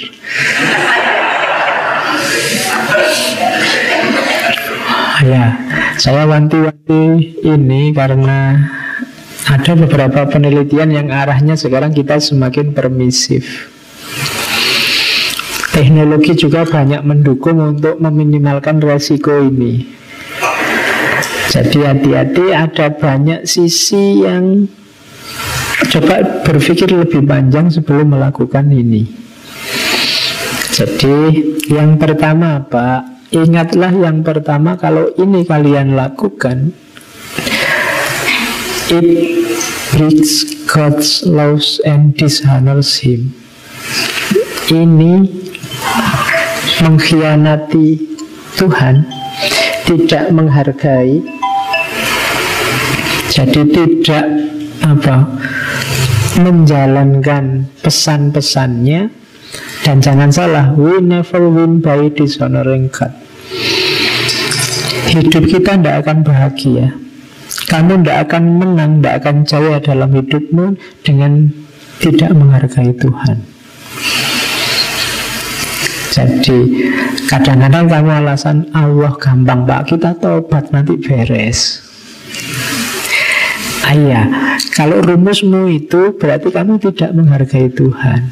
Kamu menyepelekan Tuhan. Dan kamu tidak akan bahagia dengan menyepelekan Tuhan. Jadi kalau mau ke sana ingat-ingat ini yang pertama. Kamu sedang mengkhianati Tuhan. Kamu sedang tidak menghargai Tuhan, tidak menghargai Allah. Dan hidupmu tidak akan bahagia, tidak akan menang, tidak akan sukses dengan tidak menghargai Allah. Yang kedua, ingat-ingat ini juga bahwa engkau sedang melecehkan, engkau sedang menyingkirkan, engkau sedang mencuekin nilai-nilai yang dibangun oleh masyarakatmu, oleh keluargamu, hanya demi nafsumu. Yang kedua ingat-ingat ini. Jadi yang pertama engkau sedang merendahkan Tuhan, tidak menghargainya. Yang kedua engkau sedang menghancurkan masyarakatmu, menghancurkan keluarga orang tuamu. Itu yang kedua. Ingat-ingat ini. Yang ketiga, siap-siap begitu engkau lakukan sampai besok engkau tua akan ada guilt consciousness. Saya tidak perlu bilang bahwa engkau tahu yang kamu lakukan itu salah. Ketika yang salah itu kamu tabrak, maka rasa bersalah itu akan tersisa bahkan sampai besok kamu tua. Kadang-kadang orang itu begitu rasa bersalah ini ada, dia akan menghantuimu terus. Kadang-kadang kalau hidupmu pas tidak enak, kamu selalu menyambungkannya ke situ. Jangan-jangan gara-gara itu ya. Kamu akan ke situ. Itu namanya sense of guilty atau guilt consciousness. Begitu kamu senggol itu, dia akan menghantuimu sampai besok kamu tua. Kadang-kadang mungkin sampai besok anakmu nakal, kamu akan tetap menyambungkan ke situ. Kenapa? Kesalahan itu nempel terus dalam dirimu. Jadi hati-hati. Kemudian yang keempat, kenapa ini jangan kamu lakukan? Karena kamu sedang melakukan kesalahan yang luar biasa. Kadang-kadang dengan dasar bahwa kita saling suka, saling cinta, Pak kamu keliru karena mungkin kamu tidak bisa membedakan antara infatuation dan real love. Mana itu ketergodaan sesaat, mana itu cinta yang sejati. Hati-hati yang sesaat, jangan sampai menghancurkan yang sejati. Bedanya apa? Infatuation sama real love saya tidak bisa ngomong panjang, kamu refer lagi ke belakang. Mungkin rekaman-rekaman bulan lalu waktu Ramadan saya ngomong bedanya apa tentang komitmen, passion, dan seterusnya. Jadi hati-hati kamu sedang tertipu di situ. Dua-duanya sedang ada di level infatuation, tapi merasa ada di real love. Ingat-ingat juga yang kelima, ketika kalian melakukan itu, kalian sedang mengorbankan kebahagiaan luar biasa yang nanti akan kamu nikmati setelah menikah. Future kamu sedang devalues the future intimacy. Justru puncak kedekatanmu berdua itu setelah kamu menikah itu, tapi kamu membuat dia tidak bernilai dengan aktivitas premarital sex ini. Sudah tidak kaget lagi. Bayangkan yang belum nikah-nikah itu kan yang mimpi-mimpinya malam pertama. Kalau malam pertamanya ternyata tidak pertama lagi, tidak surprise belas. Alah wis tahu. Sudah habis sampai selesai, tidak. Sakralnya hilang, nilainya juga hilang. Padahal justru seninya itu di menunggu-nunggu penasaran terus sah itu kan luar biasa sudah. Tapi ini sudah kehilangan nilai secara drastis ketika ini sudah dilakukan. Saya pesan tolong ini jangan hilang. Kemudian kalian akan kehilangan berhadapan dengan berhadapan dengan sosial etik dan akan kehilangan sosial protection. Sosial etik itu ya etika norma yang berkembang di masyarakat yang sedang kalian tabrak itu begitu masyarakat tahu kalian akan kehilangan social protection. Banyak hal, banyak fasilitasmu sebagai anggota masyarakat akan tercabut. Yo, resiko sosial mungkin kamu dikerebuk, mungkin kamu nanti dikucilkan, cacat itu akan diingat orang sampai besok. Hati-hati dengan efeknya ini. Kemudian kalau ini kalian sudah apal ya, kalian mengatasinya merasa gampang lah pak. Premarital pregnancy, hamil sebelum nikah. Iya, hamilnya bisa kamu atasi, tapi jangan lupa segalanya bisa terjadi. Dan jangan lupa semua efeknya termasuk yang terakhir efek kesehatan. Kalau dua yang terakhir mungkin teknologi bisa ngatasi, tapi 6-7 yang atas. Kalian siap-siap itu. Makanya Perhatikan benar ini. Hidupmu itu indah. Jangan rusak keindahan hidupmu dengan kesenangan sesaat infatuation yang sesaat tadi. Pernikahan itu kita bahas tadi sejak di depan Begitu indahnya hidup berdua Begitu indahnya hidup bareng dengan segala visi misi hidup bersama Begitu diawali dengan ini Semua yang di depan tadi tidak ada artinya. Dia akan rusak. Oke, saya kira itu ya Untuk sesi menikah kita. Ya jadi salah satu fitrah dalam hidup kita.